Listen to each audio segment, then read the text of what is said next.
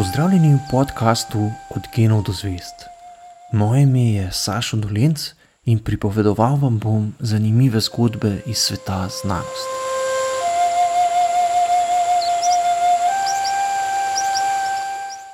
Tovarna avtomobilov podjetja General Motors v kalifornijskem mestu Fremont je v začetku 80-ih let 20. stoletja veljala za eno izmed najslabših v državi. Zaposleni so bili tako razpuščeni, da so za zabavo v vrata avtomobilov včasih ugradili celo kakšno prazno pločevinko Coca-Cola, da se je med vožnjo tresla in s čudnimi zvoki spravljala ob živce kupce vozila. V karoserijo naj bi občasno zavarili tudi ostanke sendvičev, tako da je avtomobilu sčasoma začelo močno smrdeti. Vse to so počeli predvsem zato, ker so želeli škoditi podjetju, v katerem so bili zaposleni. Delovne razmere v tovarni so bile tako slabe, da niti delavci, ki so želeli dobro in vestno opravljati svoje delo, niso imeli miru. Kar petina jih je namreč v povprečju manjkala, veliko pa jih je na delo prihajalo pijanih. Če je bilo kak dan prisotnih premalo ljudi, da bi sploh lahko zagnali proizvodnjo, so manjkajoče novačili kar v bližnjem baru. Ker vodstvu podjetja razmer v tovarni nikakor ni uspelo izboljšati, so se odločili, da marca 1982 tovarno zaprejo in odpustijo vseh 5000 zaposlenih. Vendar tovarna ni dolgo samevala. Dve leti kasneje so jo ponovno odprli, a tokrat v sodelovanju z japonskim podjetjem Toyota. Novo skupno podjetje ameriškega in japonskega avtomobilskega velikana so poimenovali New United Motor Manufacturing, bolj znana pa je postala po svoji kratici Numi. V tovarni so še vedno delali z enakimi stroji in nazaj zaposlili večino odpuščenih delavcev, kar bi lahko pomenilo, da se bodo spet spostavile tudi enake slabe razmere. Vendar se to presenetljivo ni zgodilo. Tovarna avtomobilov Numi ni postala le primerljiva z drugimi podobnimi proizvodnimi obrati v državi, ampak se je povzpela celo med najboljše avtomobilske tovarne v ZDA. Izdelki nove tovarne so postali bistveno bolj kakovostni kot izdelki drugih proizvodnih obratov podjetja General Motors, z istim številom zaposlenih kot prej pa so proizvedli celo dvakrat več avtomobilov. Odsotnost dela se je z 20 odstotkov znižala na 3 odstotke, mnogi delavci pa so prvič v življenju z veseljem hodili v službo. Kaj na tanko se je spremenilo, da je prišlo do takšnega preobrata?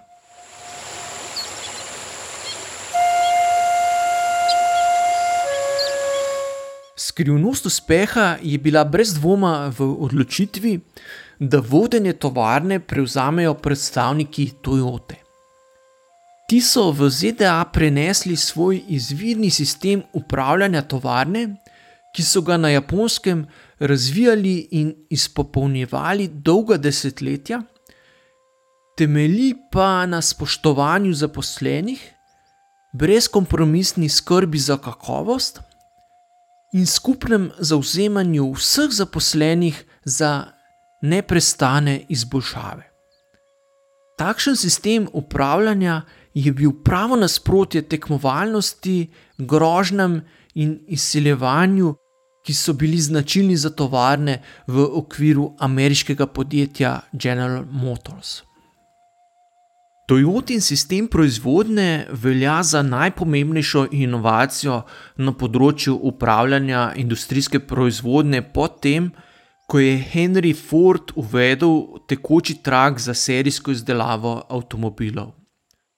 Prav zaradi odličnih rezultatov ga poskušajo že nekaj desetletij z večjimi in manjšimi uspehi kopirati in za svoje potrebe prirediti tudi druge tovarne po svetu. Žal pa veliko posnemovalcev ne dojame bistva sistema, ki temelji na dolgoročni viziji in konstruktivnem, iskrenem sodelovanju vseh zaposlenih pri skrbi za kakovost.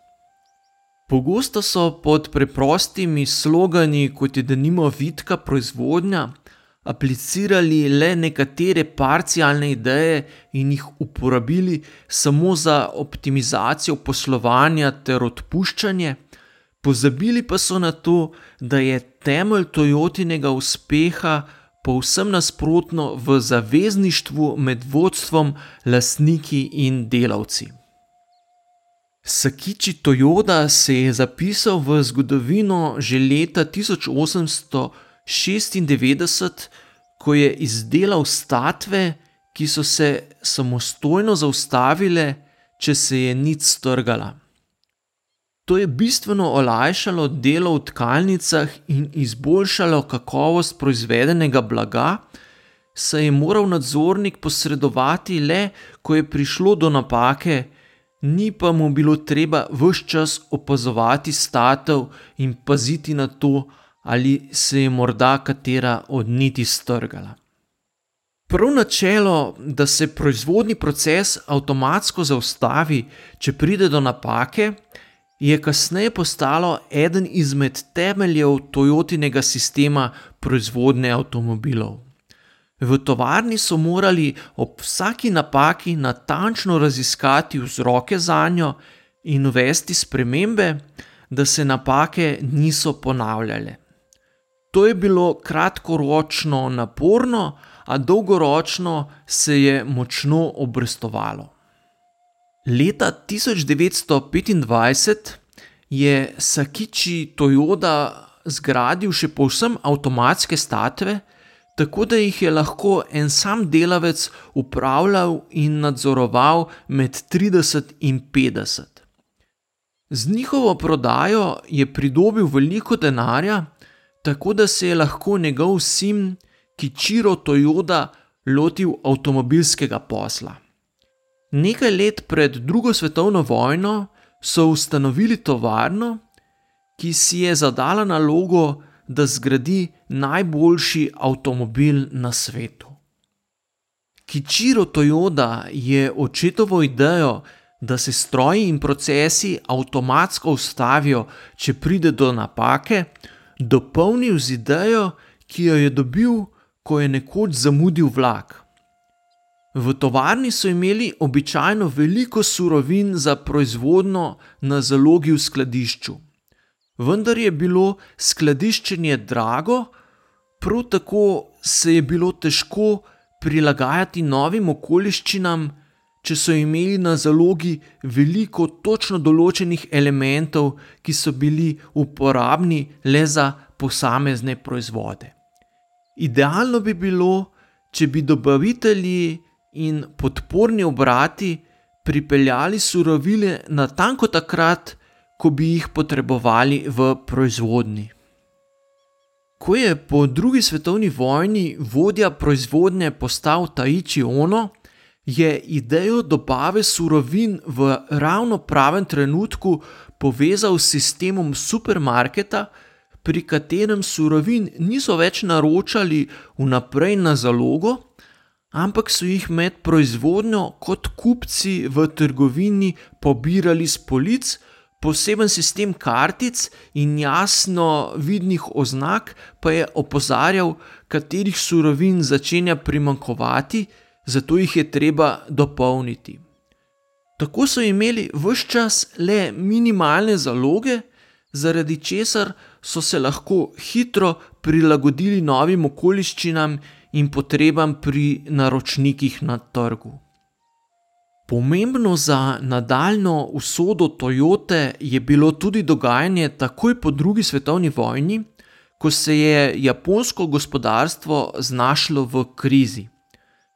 Podjetje je bilo tik pred bankrotom, zato je Kičiro Toyoda predlagal, da zmanjšajo število zaposlenih za četrtino, čemu so se delavci seveda uprli. Po pogajanjih so dosegli zgodovinski kompromis. Število zaposlenih so vseeno bistveno zmanjšali, Kičiro Toyoda je odstopil kot direktor, zaposleni, ki so ostali, pa so dobili zagotovilo stalne zaposlitve in udeležbe pri dobičku. Plače delavcev so bile tako fiksen strošek podjetja, delavci pa so bili motivirani, da izboljšujejo podjetje, saj se niso bali, da bodo zaradi sprememb izgubili zaposlitev. Odpuščanje je bilo od takrat naprej prihranjeno res za skrajno silo. Iskanje možnosti za optimizacijo je tako postalo skupni trud vseh zaposlenih. Podobna načela, kot jih je Toyota razvila za upravljanje svoje tovarne na Japonskem, so uvedli tudi v ZDA, ko so skupaj s podjetjem General Motors leta 1984 začeli s proizvodnjo avtomobilov v kalifornijski tovarni Numi. Zaposlenim so v zameno za dobro delo in sodelovanje pri izpopolnjevanju tovarne nudili varno zaposlitev in primerno plačilo. Žal pa se General Motors iz sodelovanja s Toyoto ni naučil ničesar. V drugih svojih obratih je še vedno stavil le na tekmovalnost in grožnje. Napake so tako leta 2009 pripeljale do tega, da je moral v prisilno poravnavo. Takrat se je Toyota odločila, da bo tovarno Numi zaprla in svojo proizvodnjo preselila v druge lastne obrate, ki jih je vmes postavila v ZDA in Kanadi. Toyota je danes največji proizvajalec avtomobilov na svetu, po prihodkih pa je na petem mestu med vsemi podjetji sveta. Poslopje tovarne Numi je leta 2010 kupilo podjetje Tesla in na kraju z bogato avtomobilsko zgodovino vzpostavilo proizvodnjo električnih avtomobilov.